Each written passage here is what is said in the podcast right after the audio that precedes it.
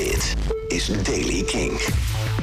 Dag begint bewolkt en droog. In de loop van de middag kunnen er wat buien vallen. Temperatuur 7 graden. Nieuws over Inhaler, Trent Reznor, Rockwerchter en Lowlands. Dit is de Daily Kink van woensdag 17 maart. Hi, I'm Eli. Nou, ik zat eigenlijk te denken aan eh, deze. Ah, ja. Maar je, je hoort het wel. Eli van Inhaler. Eh, die eh, komen vandaag met een nieuwe single.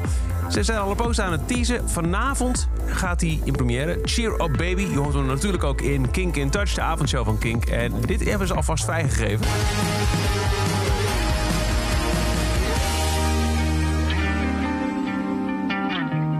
Nou, nog geen zang, alleen maar een stukje instrumentaal. Maar goed, het is het eerste begin. Het eerste geluid van Cheer Up Baby, nieuwe single van Inhaler die vandaag eens uitkomt.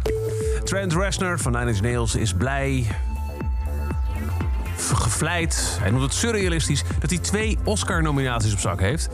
Hij ehm, kreeg eentje voor de score van David Fincher's Netflix-film Mank... over Citizen Kane scenario-schrijver Herman J. Mankiewicz.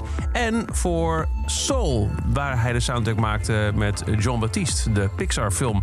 Ja, surrealistisch, humbled en uh, vlijend dus. In een jaar waarin alles begint te vervagen... is dit een, een prachtige kroon, heeft hij in een reactie gezegd. Uh, en sowieso liet hij weten dat uh, Pixar heel lang op zijn uh, wensenlijst stond om voor te werken, omdat ik ervan hou. Zo zei hij.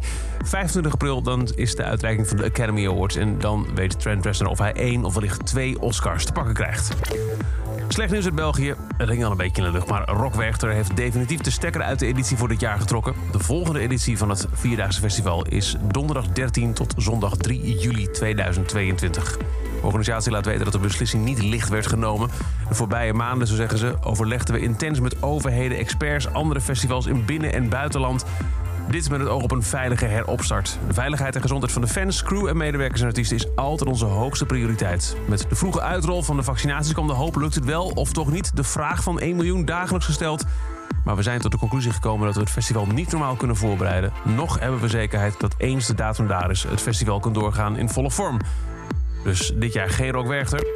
Wel hoop uit de polder. Lowlands kwam gisteren met 54 namen. En zij zeggen ook, we houden slagen om de arm. We kunnen de toekomst niet voorspellen. Vanwege maatregelen die tijdens Lowlands eventueel nog gelden... kan blijken dat toch niet alle acts kunnen komen. We zijn namelijk niet alleen afhankelijk van maatregelen in Nederland... maar ook van de landen uh, waar acts vandaan komen of gaan toeren. Het belangrijkste op dit moment is dat al deze acts volmondig hebben aangegeven... erbij te zijn als de omstandigheden het toelaten. En dan hebben we het over uh, nou, uit Nederland bijvoorbeeld uh, Altin Gun...